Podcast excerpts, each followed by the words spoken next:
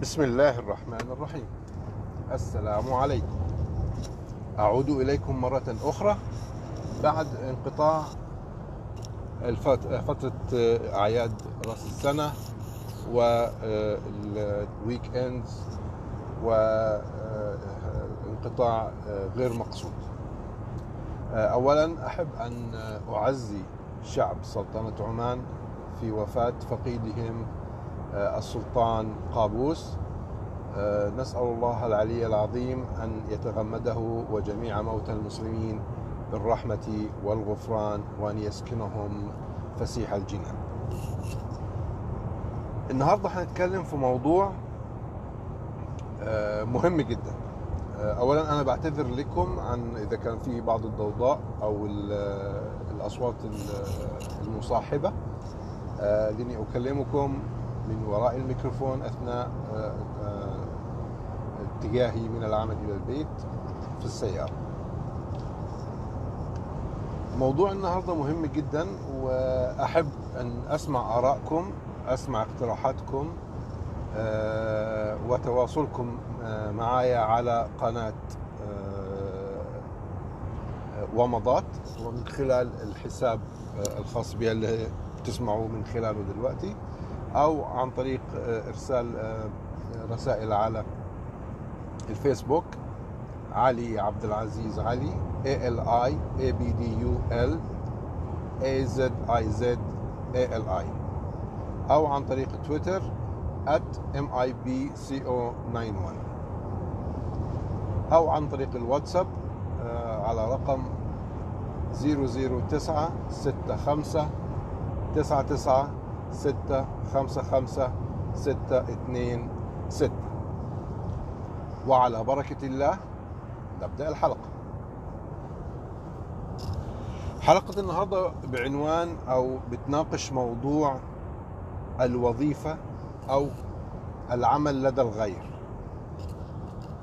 آه للأسف في في في بعض الأوطان أو في بعض الدول العربية وخلينا برضو نكون أكثر دقة في بعض الشركات. آه يتم التعامل مع آه الموظفين على أنهم ملكية خاصة للشركة أو حاجة تابعة للشركة يحق للمدير أن يتصرف معهم أو معها كما يشاء. طبعا الكلام ده في حد ذاته غير صحيح وغير مقبول. لأن العلاقة ما بين الموظف والمدير هي علاقة عمل وعلاقة متبادلة علاقة منفعة متبادلة.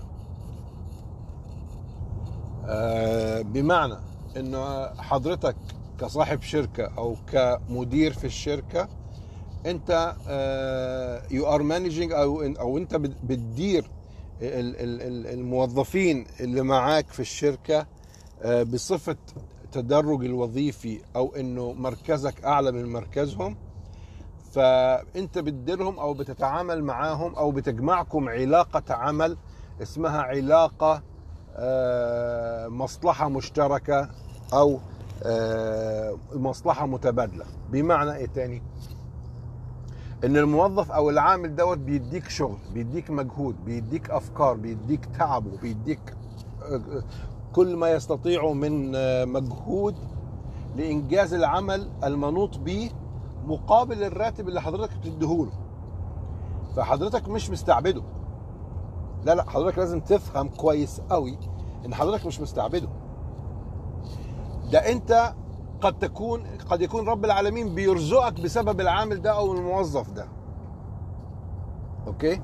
كون إن رب العالمين حطك في هذا الموقع الوظيفي إنك أنت فوقه أو إنك أنت أسبق منه في الشركة أو في التسلسل أو في السلم الوظيفي فده لا يعطيك اطلاقا أي حق إنك أنت تستعبده أو بمعنى أو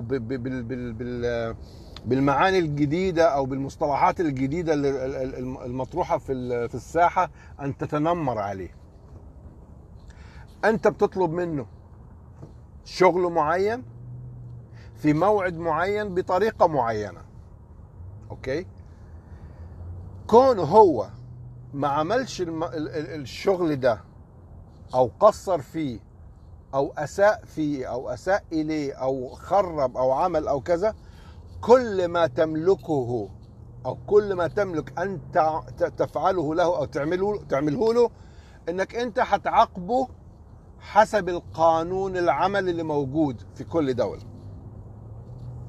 إذا كان تاخر آه، مش عارف أول مرة بانذار ثاني مرة مش عارف إيه ثالث مرة بيتخصم عليه كذا رابع مرة بيتخصم عليه كذا وتتدرج العقوبة إلى أن تتم أو تصل إلى الفصل. لكن أن أوبخه أو أهزأه أو أشتمه أو أه أو اهزأ نفسيته أو أجرح نفسيته أو أجرح كرامته أو أجرح مشاعره قدام حد تاني بسبب إن أنا مدير وهو أخطأ فده مش من حقك نهائي. لا انسانيا ولا قانونيا ولا شرعا. متى استعبدتم الناس وقد ولدتهم أمهاتهم احرارا طيب خلينا نناقش بعض الأسباب اللي تخلي بعض المدراء وبعض المسؤولين وأنا بسميهم اللي هم ضعاف النفوس okay? و الغير professional الغير مهنيين آه، وحرفيين أو محترفين في آه، شغلهم. إيه الأسباب اللي تخليهم يعملوا كده؟ أول حاجة حاجة الموظف إلى العمل. فبي فبيست... بي- بي- بيتنمروا عليه أو بيتسلطوا عليه من هذا الباب. وده طبعا ما ينفعش. okay? تاني حاجة إنه قد يكون الموظف دوت أرقى أفضل أحسن أعلى سواء في الدرجة العلمية أو اخلاقا أو اجتماعيا أو حسبا ونسبا أو أو حاجات كتير فهنا بقى بتطلع الكلاكيع بتاعت المدراء أوكي اللي هو بيحاول بقى إيه عايز يوري نفسه انه إيه؟ إن هو أحسن من الد... وأنا بقى مديرك وأنا هعمل فيك وهسوي فيك و و و و تذكر أيها المدير القاصر التفكير كما تدين تدان والأيام دول. الحاجة الثانية إنه العامل نفسه أو الموظف نفسه بيبين لمديره أو لمرؤوسه إنه ذليل أمامه. فبالتالي الأخ الثاني المدير أو المسؤول يظن إن هو إيه بقى خلاص دي فرصته بقى وهيبدأ إيه يتنمر ويتمرد ويهين هذا الشخص. فأريد أن أقول للموظف في هذه الحالة تذكر بعض الأشياء. اولا ابدا ونهائيا لا تقول ان أنا بشتغل عند فلان.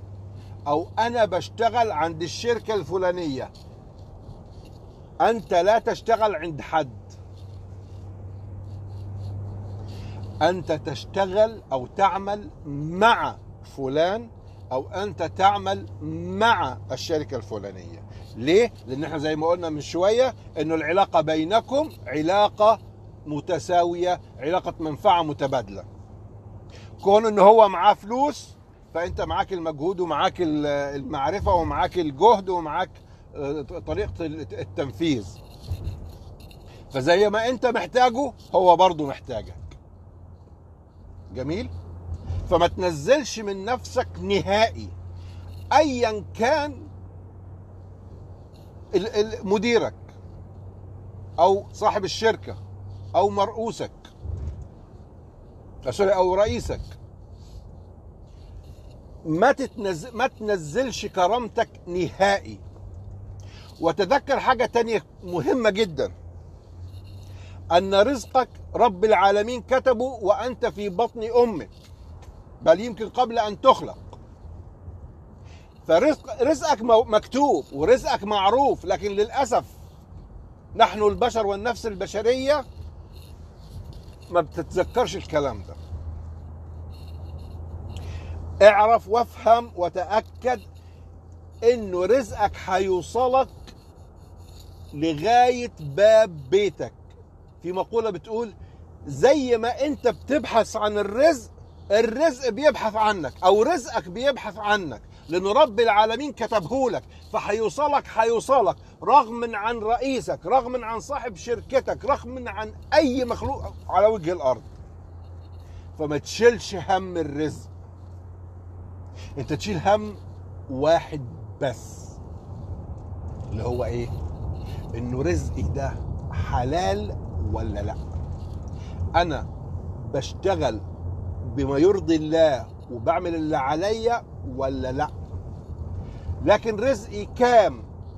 إمتى فين؟ دي بتاعت ربنا.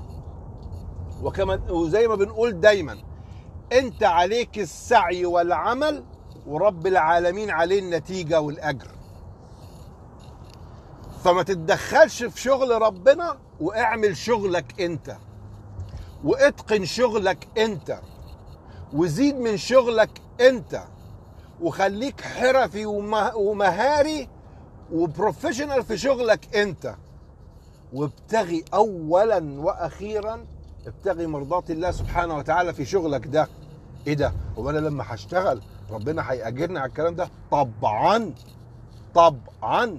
انت إذا كنت بتشتغل إذا ما كنتش متجوز فأنت بتشتغل عشان تعيل نفسك عشان تكفي نفسك وتكفي أسرتك أبوك وأمك وأخواتك. لو كنت حتى فرد لوحدك فأنت بتشتغل عشان تكفي نفسك إنك ما تمدش إيدك للناس التانية. بتشتغل عشان تكفي نفسك عشان تكون شخص منتج وناجح وشخص معطي مش اخذ إذا كنت بتشتغل وأنت متجوز فكل لقمة وكل حاجة بتلبيها لبيتك بتؤجر عليها. تخيل يا مسلم. يعني بتشتغل بتاخد راتب وكمان بتاخد أجر من ربنا على الكلام اللي أنت بتعمله. بس إيه؟ نخلص النية لله سبحانه وتعالى إن أنا يا رب بشتغل الكلام ده وبتحمل المصاعب وبتحمل المشاق وبتحمل التعب علشان أكفي بيتي وأستره. فابدا أوعى تفكر انه رئيسك هو سبب رزقك أو هو اللي بيرزقك. ابدا. ابدا. وثق. وأنا عندي يمين ويقين أن هناك بعض الأشخاص بعض الشركات وبعض أصحاب العمل يرزقون ربنا بيرزقهم بسبب الموظفين اللي عندهم والبيوت اللي هم فاتحينها. كتير من الشركات بنسمع عنها وأصحاب العمل اللي بنسمع عنهم الخيرين اللي بيخافوا ربنا وبيتقوا ربنا ربنا بيبارك لهم في شغلهم بيبارك لهم في عملياتهم بيبارك لهم في في شركاتهم بيبارك, لهم في كل الصفقات اللي بيخشوا فيها لأن هم حاطين جزء معين لمساعدة الناس. تيجي تقول له يا فلان ده ما بيشتغلش ومش عارف إيه وكذا فنش يقول لك سادد ثغر من من من المطلوب منه ولا لا؟ تقول له آه يقول لك بس هو هو ده بتاعه. في ناس لا بالعكس تتسلط على الناس الممتازة اللي بتشتغل اللي بتقوم بعملها كذا لنواحي نفسية أو لأسباب نفسية واحقاد وأمور طبعا كثير منها منا عارفينها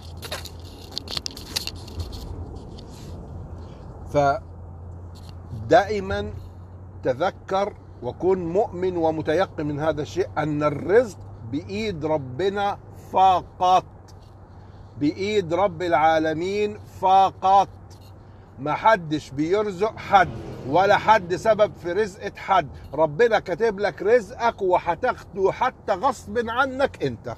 إيه رأيك؟ حلو؟ طيب.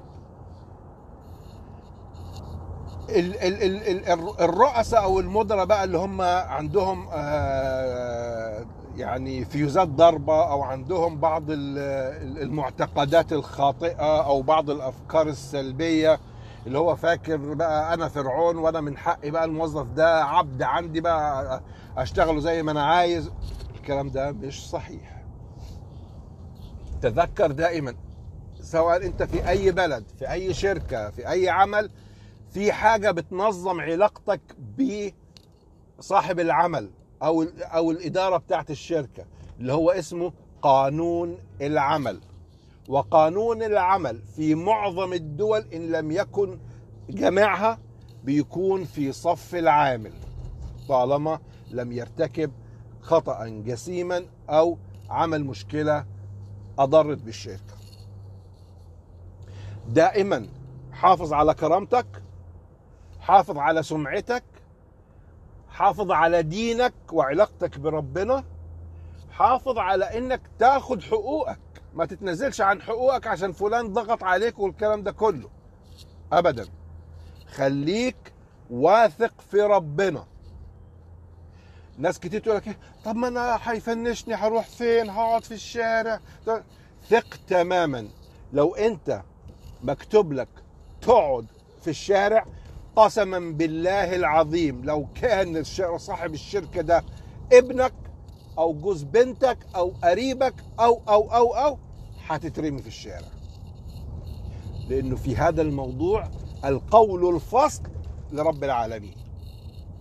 طالما إحنا آمنا إنه الرزق مش بإيد حد وإن أنا كرامتي تيجي قبل كل شيء ورضاء وإرضاء ربنا سبحانه وتعالى والالتزام بتعاليمه والعمل ب ب ب ب ب ب يعني باللي أمر بيه بيجي أول حاجة وإخلاصي في النية موجود فما أحملش هم حاجة خالص.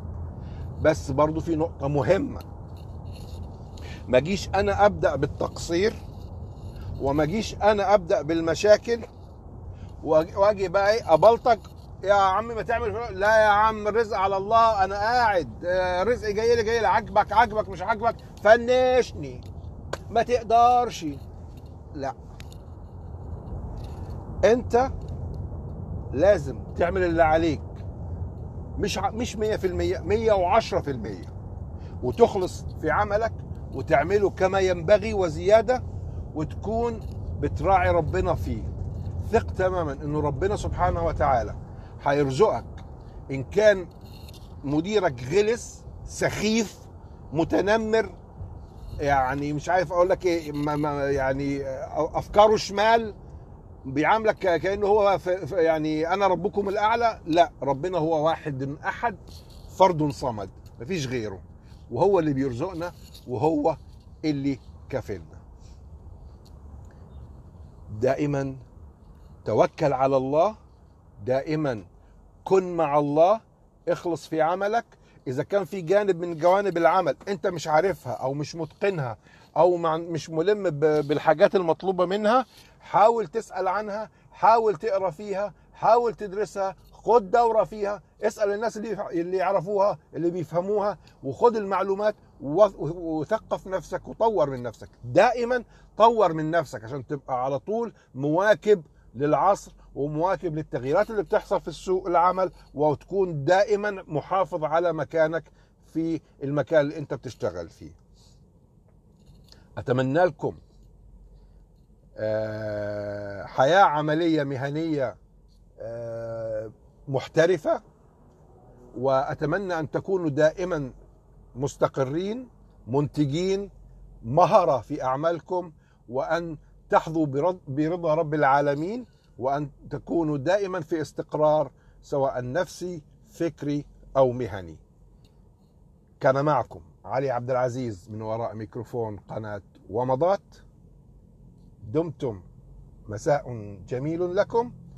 دمتم سعداء. دمتم في حفظ الله. ودائما كما نختم دمتم مبتسمين.